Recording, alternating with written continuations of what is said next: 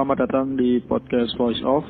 Pada kesempatan kali ini uh, kita akan membahas tentang self love.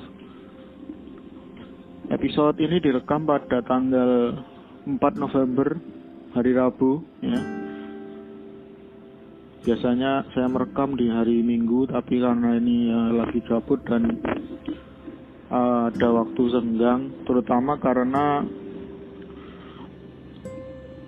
saya baru apa namanya minggu ini tuh minggu TS jadi malah bisa untuk istirahat daripada eh, waktu-waktu uh, normal saat mata-mata kuliah itu masih apa namanya masih masih diajarkan atau masa kuliah sesuai jadwal itu malah saya mungkin akan membuat episode itu tiap hari minggu biasanya dua episode Oke, kita akan membahas tentang self love atau uh, mencintai diri sendiri.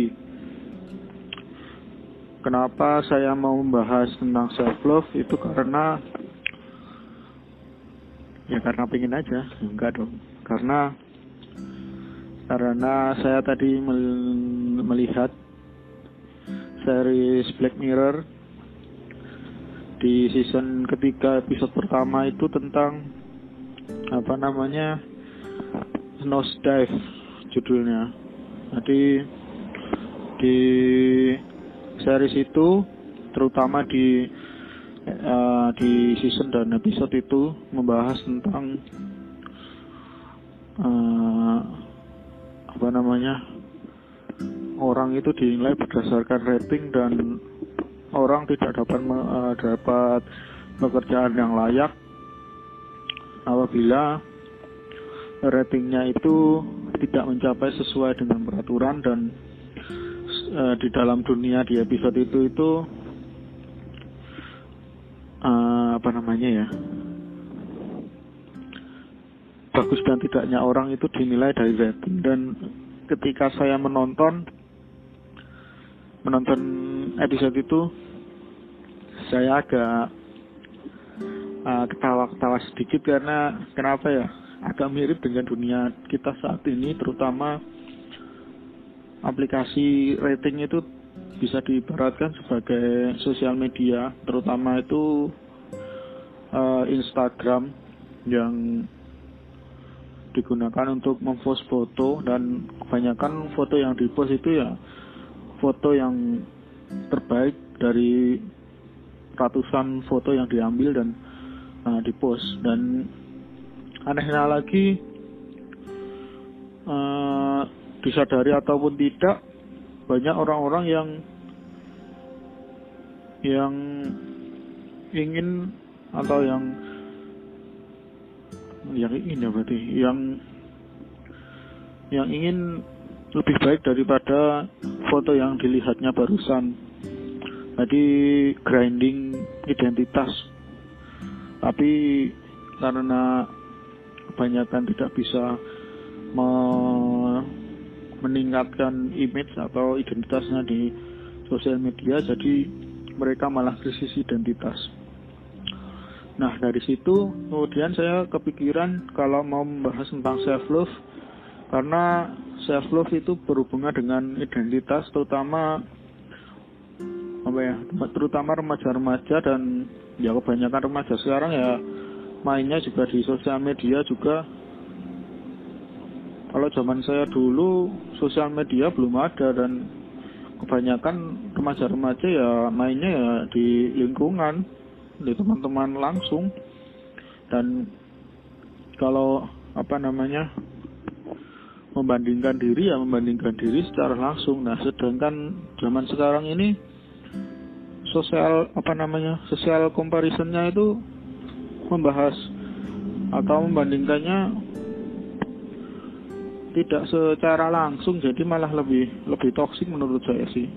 Dan kebanyakan remaja itu sepengalaman atau sepengamatan saya krisis identitas itu dialami terutama remaja yang sudah lulus sekolah atau misalnya lulus kuliah dan melihat teman-temannya itu menjadi sesuatu atau seseorang yang dia inginkan. Apa namanya?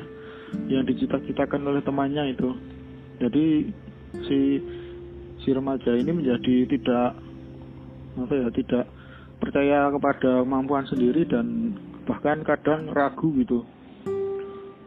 Dan ya berakibat ke tidak mengapresiasi diri sendiri ya memang makhluk sosial itu ya tidak bisa lepas dari membandingkan diri dengan orang lain. Cuman ada beberapa batas yang mungkin harus dihindari, terutama apabila membandingkan diri itu kepada hal-hal yang tidak realistis, terutama foto-foto yang ada di sosial media. Karena begini, uh, sesuatu yang dipost di sosial media itu tidak tidak semuanya nyata. Bahkan kebanyakan palsu dan sudah diedit dan sudah dipilih dari beberapa foto yang terbaik. Sehingga jika teman-teman atau pendengar membandingkan diri dengan foto di sosial media itu sebuah pembandingan yang tidak tidak apa namanya tidak fair tidak apa sih namanya tidak seimbang atau tidak gimana ya? Tidak bisa dijadikan patokan gitu. Karena ya itu tadi membandingkan sesuatu kepada yang tidak nyata itu ya tidak bisa gitu. Cuman karena ya sosial media sudah menjadi media yang sudah mainstream jadi ya mau gimana lagi? Semua orang juga seperti itu dan ya kebanyakan memang di Instagram sih.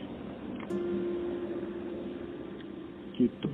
Dan pentingnya self love ini ya terutama kalau di bahasa zaman dulu itu ya apa sih menerima itu menerima dan mengapresiasi diri sendiri terutama terhadap pencapaian diri sendiri. Misalnya ya pencapaian tidak selalu pencapaian yang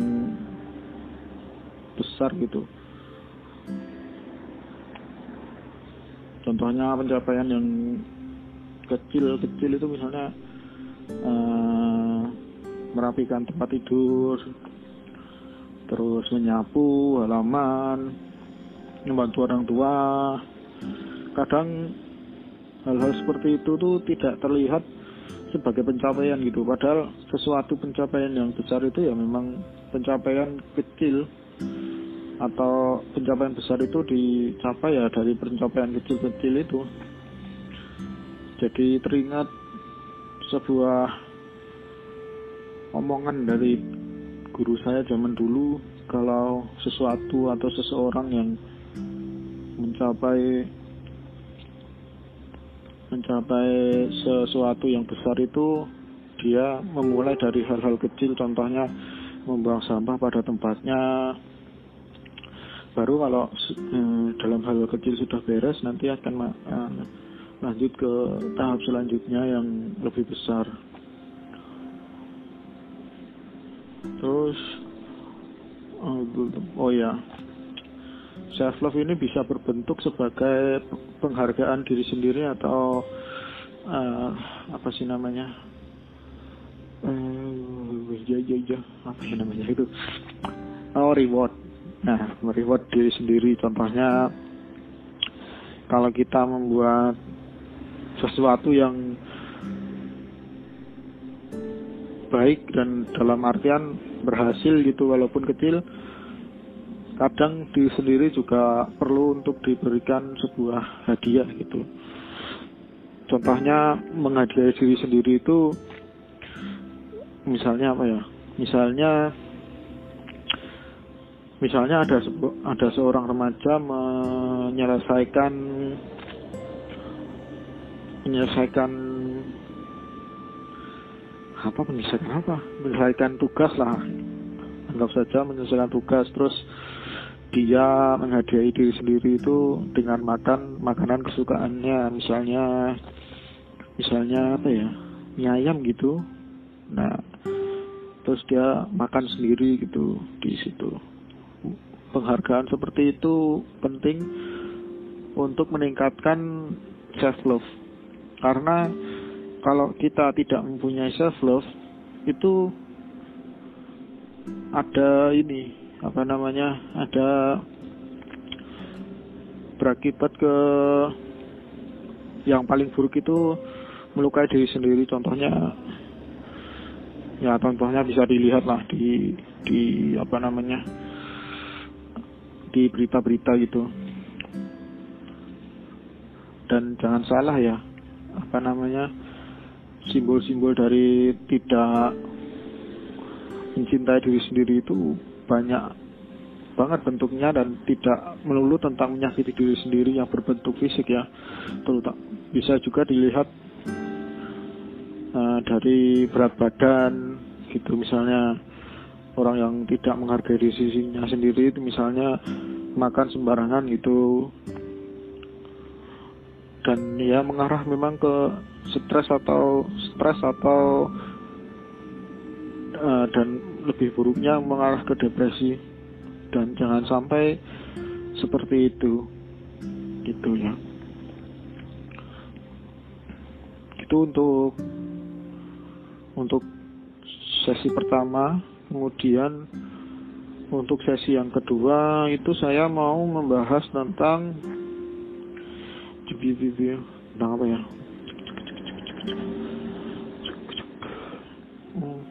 sebentar saya pikir dulu mau bahas apa ya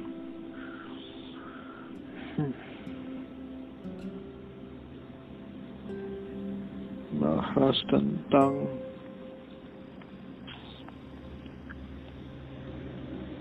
Oh ya. Bahas tentang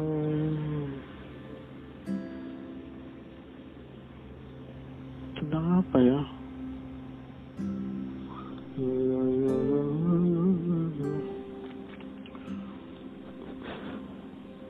Oh iya, mungkin akan sedikit cerita pribadi aja ya. Uh, kemarin sempat protes ke apa namanya ke salah satu operator. Itu saya kemarin protes ke salah satu operator mengenai sinyal yang apa sih namanya yang tidak ada gitu. Yang yang sangat jelek lah lambat lah. Nah sampai si apa namanya si customer service-nya itu agak negas gitu. Karena ya lupa lah. Saya agak bingung gitu kenapa sinyal apa namanya satu operator dua nomor tapi di satu HP itu bisa berbeda gitu kecepatan dari si, si internetnya atau sinyalnya.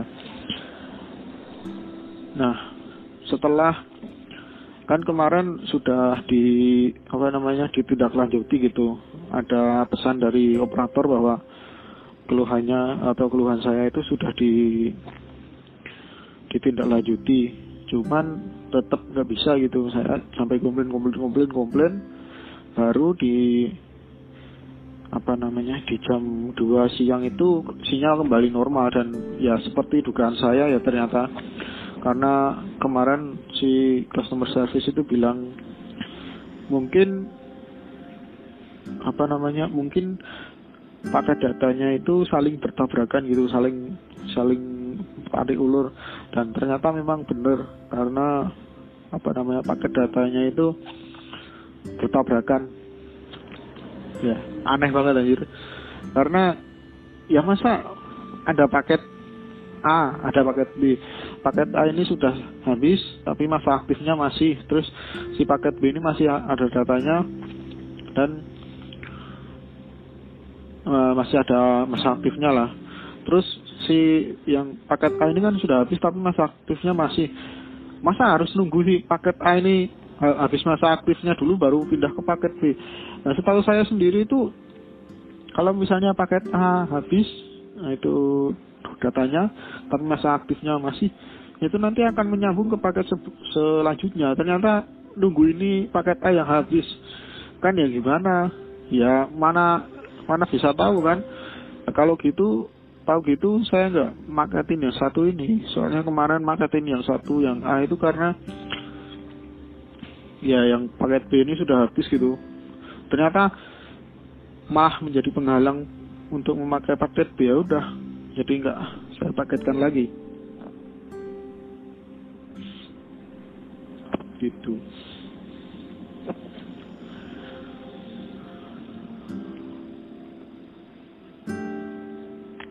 terus apa lagi? Oh iya. Uh, saya mau bahas sesuatu tentang kemarin yang sempet heboh tuh. Nggak tahu heboh atau nggak gimana. Itu gimana ya mau cerita? Disamarkan aja lah daerahnya. Kemarin ada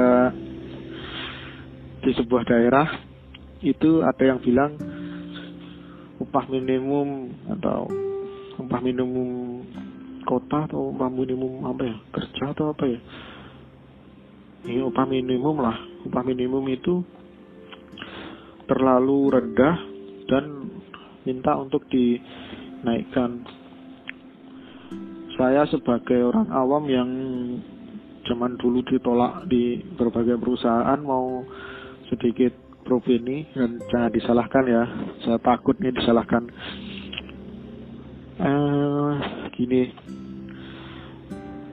Saya mau lihat dari sisi kedua sisi. Kalau dari buruh atau karyawan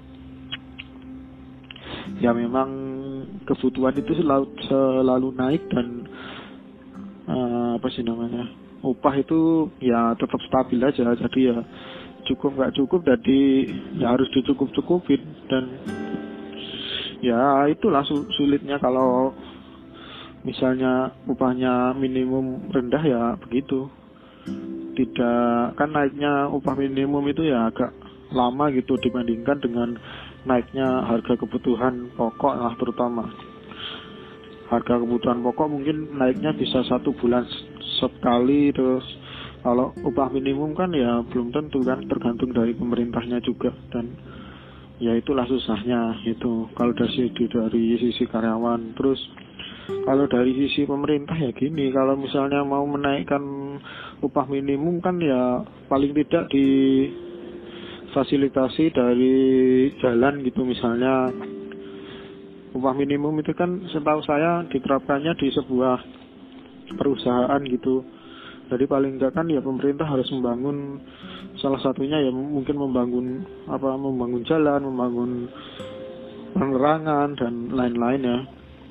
Nah, sedangkan untuk membangun seperti itu kan ya paling tidak memerlukan biaya dan kalau misalnya mau membangun contohnya saja membangun bandara gitu untuk menaikkan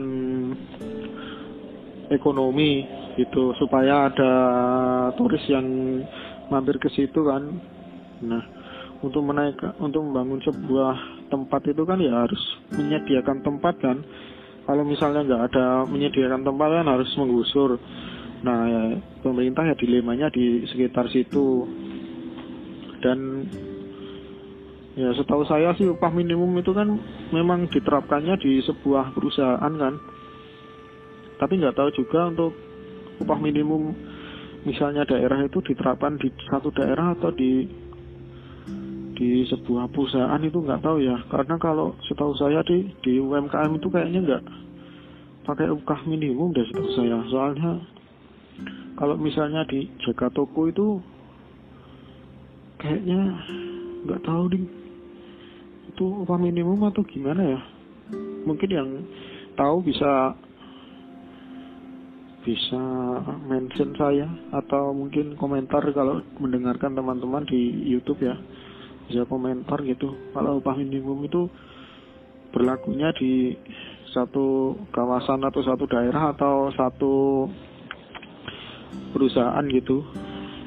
Soalnya kalau di UMKM atau di toko-toko kecil itu kayaknya penjaganya itu di, di upah minimum atau enggak itu saya nggak tahu ya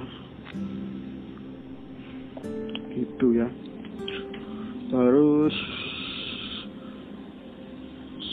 apa mau cerita apa lagi?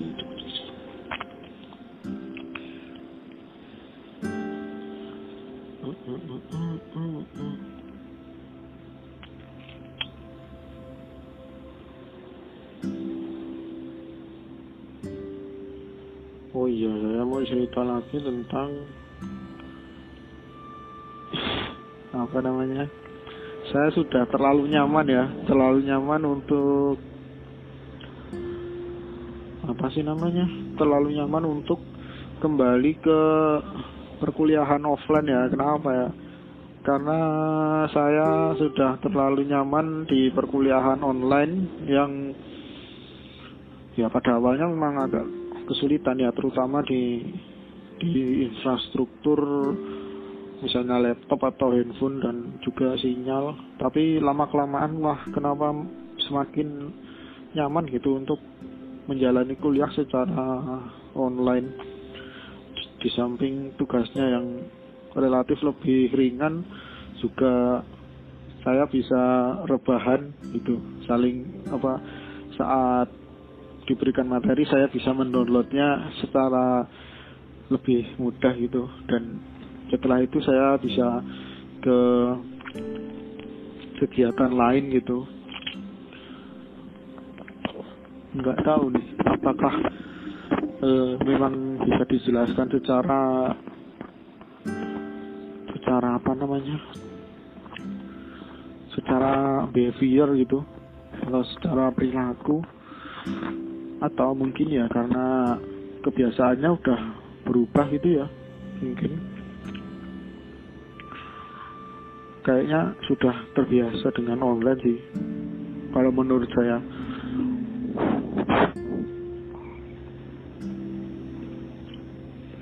Gitu. Terus untuk